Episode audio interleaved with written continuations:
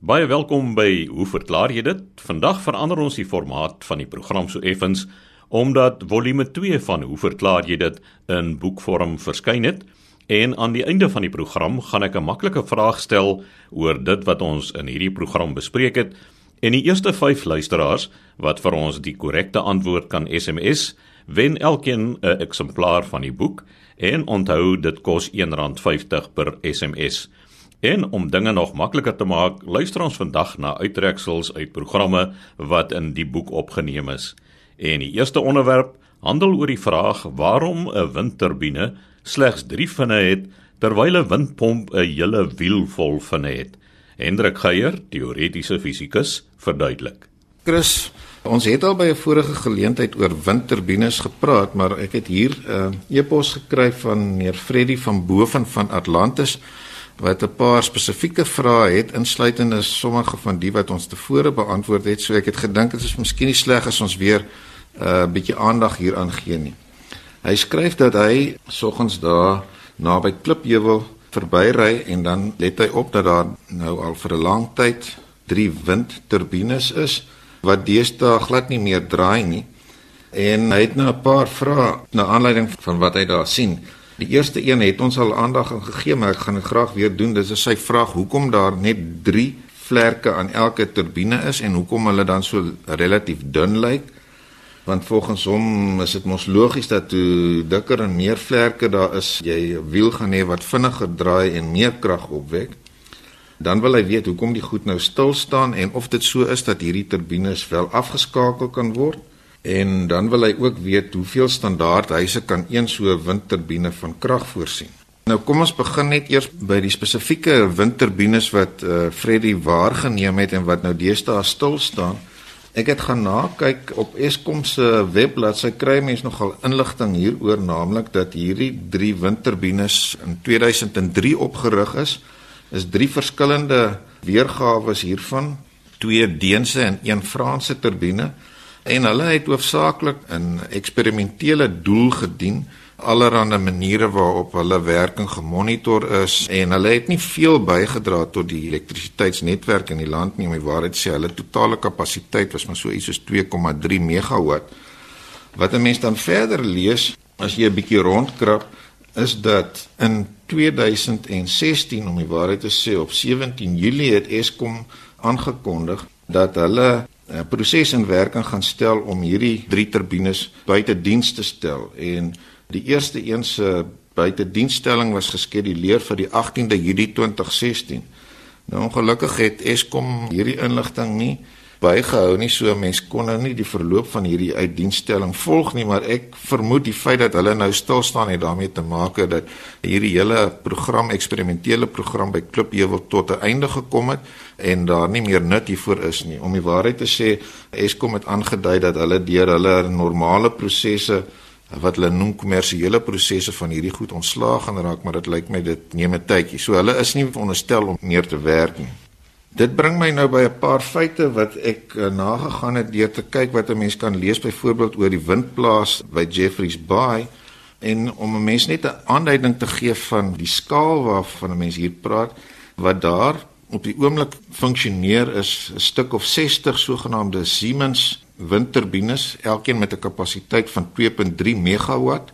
Die hoogte van die skag is omtrent 80 meter Die lemlengte is 49 meter en dit gee vir mense dan uiteindelik 'n totale rotor deursnit van 101 meter as jy nou die sentrale gedeelte van die rotor in aanmerking neem en elke rotor het 'n gewig van 60 ton. So dit is nogal 'n aansienlike konstruksie wat hier ter sprake is.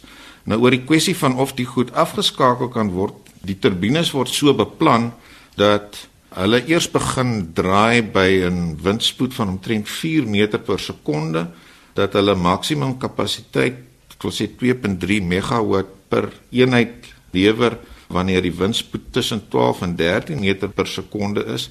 En dan as die wind te vinnig begin waai, tipies rondom 25 of meer meter per sekonde, dan is daar 'n outomatiese afskaalproses wat in werking gestel word want die stremming op hierdie turbines dink ek word dan uiteindelik net te hoog. So wat dan gebeur is dat die rotor outomaties 90 grade draai met antwoorde uit die windrigting uit en homself dan afskakel. So dis inderdaad moontlik dat die goed afskakel as die wind te vinnig waai en hulle begin ook eers draai nadat daar 'n minimum spoed bereik is. Nou oor die kwessie van die drie vinne kan ons die volgende sê. Dit was alreeds hier in omtrent 1920 dat 'n Duitse fisikus met naam van Albert Betz uitgewerk het dat geen windturbine meer as 59% van die kinetiese energie van die wind kan omsit in ander energie soos byvoorbeeld elektriese energie nie. Hierdie hedendaagse windturbines opereer reeds baie naby aan hierdie limiet en 'n mens kan verstaan dat daar so 'n limiet is deur daarop te wys dat mense sou dit eenvoudig so kon stel dat as jy te veel rotor met ander woorde te veel vinne uiteindelik in die windpad plaas dan begin die wind om hierdie struktuur vloei eerder as daardeur. So daar is 'n afsnypunt waar jy die maksimum vloei deur die rotor kan kry vergeleke met 'n obstruksie waar die wind eenvoudig daar om gaan waai. Nou daar's 'n paar oorwegings vir wat uiteindelik by hierdie konstruksie van 'n drie-vin rotor beland het en dit het, baie spesifiek te maak met kostestrukture. Daar is ook ander oorwegings soos byvoorbeeld die geraasvlakke en die feit dat as jy 'n ewe aantal vinne in die rotor het, jy tot 'n groter mate te kampe het met 'n onstabiliteit omdat die windspoed varieer met hoogte. So kan 'n mens jou voorstel dat met hierdie lengtes van tipies 50 meter per vin, die windspoed aan die bokant van die rotor en aan die onderkant aansienlik gaan verskil en as jy byvoorbeeld 4 vinne het, gaan een vin aan die bokant wees terwyl 'n ander een spesifiek aan die onderkant is en op dië manier word die stremming op die rotasieskag verhoog. So dis al een rede hoekom 3 vinne uiteindelik voorkeur geniet bo 4 vinne. Verder is dit ook so dat alhoewel die effektiwiteit met die toename in aantal vinne toeneem, dit uiteindelik baie stadig gebeur.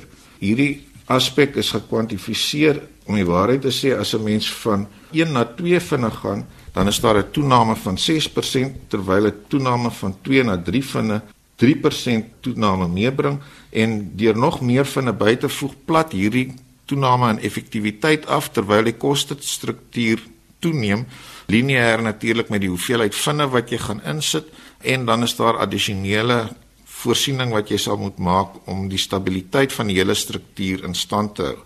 So kortom is 3 vinne uiteindelik die optimale aantal sover dit die kostestruktuur betref, die lewering van krag en addisionele kostes wat mense moes aanwend om die stabiliteit van die struktuur gevestig te hou. So Freddy, ek hoop dit help jou om te verstaan dat so 'n windturbine uiteindelik nie net 'n replika van die ou Karoo windpomp kan wees nie. Daardie goed is primêr gekonstrueer om 'n maksimum wringkrag mee te bring sodat jy beide die stange en die water van daar diep onder af kan uitpomp maar al die oorwegings wat ek nou genoem het bring dan uiteindelik mee dat as jy windenergie wil omsit in elektrisiteit hierdie struktuur nou eintlik al naby die optimum funksioneer en daar nie veel meer by wyse van beplanning of konstruksie van die turbine self gedoen kan word om dit nog meer effektief te maak nie. So sê Hendrik Geier, teoretiese fisikus, En volgende aan die beurt is Janie Hofmeyer, sisteembioloog, wat verduidelik hoekom 'n mens nie van hartkanker hoor nie. Chris Kel Gibson van Palm Beach, KwaZulu-Natal wat hierdie vraag gevra het. Ek moet sê, dit was vir my ook iets wat ek toe daaroor dink toe dink ja, hy is heeltemal reg. Mense hoor omtrent nooit van hartkanker nie. So sy vraag is hoekom hoor 'n mens van kanker in omtrent elke deel of orgaan van die liggaam, van die brein tot die bloed, van die vel tot die been? maar nooit van kanker van die hart nie. Hoe word dit verklaar? So is 'n baie interessante vraag, dankie Kel. Nou wel dit is so dat hartkankers of harttumors baie rar en uitsonderlik is. As 'n voorbeeld, 'n oorsig van omtrent 12000 autopsies het net 7 gevalle van hartkanker opgelewer. En jy 'n hele paar interessante artikels wat mense op die internet kan kry van verskillende organisasies, byvoorbeeld die Mayo Kliniek, wat baie bekend is in die Verenigde State, daar word gemiddeld een geval van hartkanker per jaar geïdentifiseer. Terwyl in Toronto se algemene hospitaal wat natuurlik 'n enorme hospitaal is, daar is die onkologie afdeling kry omtrent so 12 gevalle per jaar van hartkanker. So kankers wat in die hart self ontstaan, met ander woorde wat nie iewers van die res van die liggaam kom nie, dis baie rar en so die meeste hartkankers wat gediagnoseer word is nie kwaadaardig nie. Hulle is kankers van 'n tipe wat as sarkomas bekend staan. So 'n sarkoma in volwassenes is so sponserige gelatienagtige tumor wat in as hy in die hart voorkom word hy 'n myxoma genoem terwyl in kinders dit 'n rhabdomyoma genoem word. Kinders kry ook so af en toe hartkanker. Maar kwartaardige harttumors se oorsprong is meestal elders in die liggaam en is dus metastasis van die primêre tumors wat dan in nabye geleë organe soos die longe en die niere voorkom. En dit is sodat as jy nou 'n kwartaardige harttumor het, dan is die prognose vir oorlewing baie baie sleg. Maar natuurlik wat Kel egter wil weet is of daar 'n verklaring is vir die feit dat hartkanker so skaars is en dit is waar die storie nou interessant raak. So die belangrike waarneming wat op 'n antwoord wys is dat anders as by beskadigde organe die hart nie in staat is om sy eie beskadigde weefsel te herstel nie. En die rede hiervoor is dat die hartselle die hartspierselle wat bekend staan as kardiosiete en dis natuurlik die meeste van die selle in die hart, die is sogenaamd terminaal gedifferensieer. En dit beteken dat hartselle al vroeg in mense lewe 'n punt bereik waar hulle ophou om te verdeel. So hulle is nie aktief verdelende selle nie, baie baie vroeg in jou lewe al. Verdere hartgroei, want natuurlik dit is al in kinders wat dit ophou en tog word jou hart groter soos wat jy ouer word hierdie groei van harte is dan nie as gevolg van meer selle nie, maar as gevolg van die bestaande selle wat al hoe groter word. Nou, hierdie verskynsel verskil natuurlik van meeste ander organe waar veral byvoorbeeld die epiteel wat baie vinnig verdelende weefsel is, die selle die verdeel aktief en sodoende kan so 'n orgaan baie maklik skade herstel. Ek meen, as mens kyk na jou lewer, jy kan helfte van jou lewer wegsny en dan binne letterlik 2 of 3 maande het die lewer weer gegroei. So die lewer kan homself eintlik jy kan jou lewer volledig vervang binne 'n paar maande. So die probleem met hierdie aktief regenererende weefsels is dat natuurlike abnormaliteit in hierdie selsiklus dan veel geredeliker tot 'n tumor kan lei as in die hart waar die kardiositiese selsiklus nou gestop het. So daar is nie meer 'n selsiklus om 'n abnormaliteit te toon nie. So dis die geleentheid vir abnormaliteite in die selsiklus wat karakteristiek is van so baie tumors in ander gedeeltes van die sel is net eenvoudig nie 'n kwessie vir die hart nie. So om op te som kel die feit dat hartselle nie meer verdeel nie is nou soos wat ons kan sien 'n tweesnydende swaard. Aan die een kant kan die hart nie selfbestadigde weefsel herstel nie, maar aan die ander kant is dit juist wat maak dat kankers baie moeilik in die hart kan posvat. So dit is 'n uh, vir my 'n baie mooi verduideliking van hoe ons verstaan van die gedrag van selle sekere kondisies kan verklaar. Nou weet ek Chris of ek dalk nog 'n minuut het om te reageer op 'n vraag wat ek gekry het van Chris Smal wat sê dat hy soggens margarien in sy havermout inmeng en hy merk elke oggend dat die gewig afneem soos wat die margarien in die warm pap smelt. En hy het selfs 'n video aangeheg waarop ek kan nou sien dat is so as hy die margarien byvoeg dan begin dit op 25 gram en dan val dit na 20 gram toe. En hy wil nou 'n verklaring daarvoor hê. Nou Chris dit is onmoontlik dat die massa kan verval in so 'n kort tydperk, so minder word in so 'n kort tydperk. Al manier wat daar 'n gewigverskil kan kom is as daar nou water verdamp. So ek vermoed dat daar 'n fout is met jou skaal En dit is iets wat mense kan proefondervindelik nou gaan bestudeer. So vergeet nou van die pap. Stel dit eers na 0 toe sit iets op die skaal sodat jy die massa sien, byvoorbeeld in die geval 25 gram. En sit dan net iets by. Moet dit nie stadig by sit nie. Sit dit vinnig by. Met ander woorde 'n blok margarien soos wat jy gewoonlik doen. Ek vermoed dat die skaal dan oorkompenseer en dan stadig terugval na die korrekte gewig toe. Probeer dit en laat ons weet. Maar daar's geen manier dat die byvoeging van margarien so gewigsverlies kan veroorsaak nie. So sê Janie Hofmeyer, sisteembioloog. Bly by ons want aan die einde van die program is daar 5 eksemplare van Hoe verklaar jy dit volume 2 wat weggegee moet word. Laaste aan die beurt vandag is Henk Geertsma, entomoloog wat onder andere gesels oor skerpioene en dan ook vlees se vermoë om onderste bo teen die plafon te land. Ek het 'n mooi briefie van Koos van die strand. En hierdie brief gaan oor skorpioene. En omdat dit te doen het met Namakwa, is dit natuurlik 'n baie interessante vraag wat hy sê.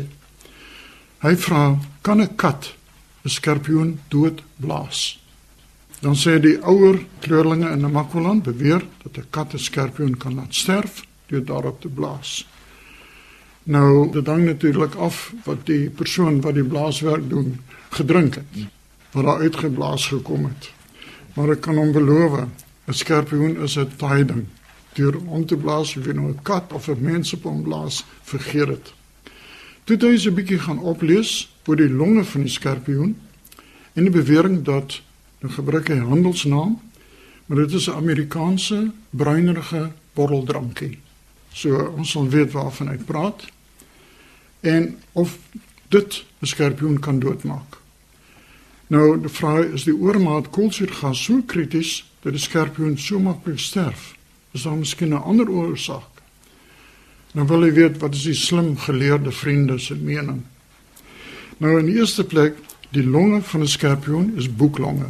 En ons sit onder in die vorm van plaatjies onder op die onderkant van die agterlyf. So as mens nou die bottel koeldrankie op die skorpioen gooi, dan bly die boeklonge lekker droog.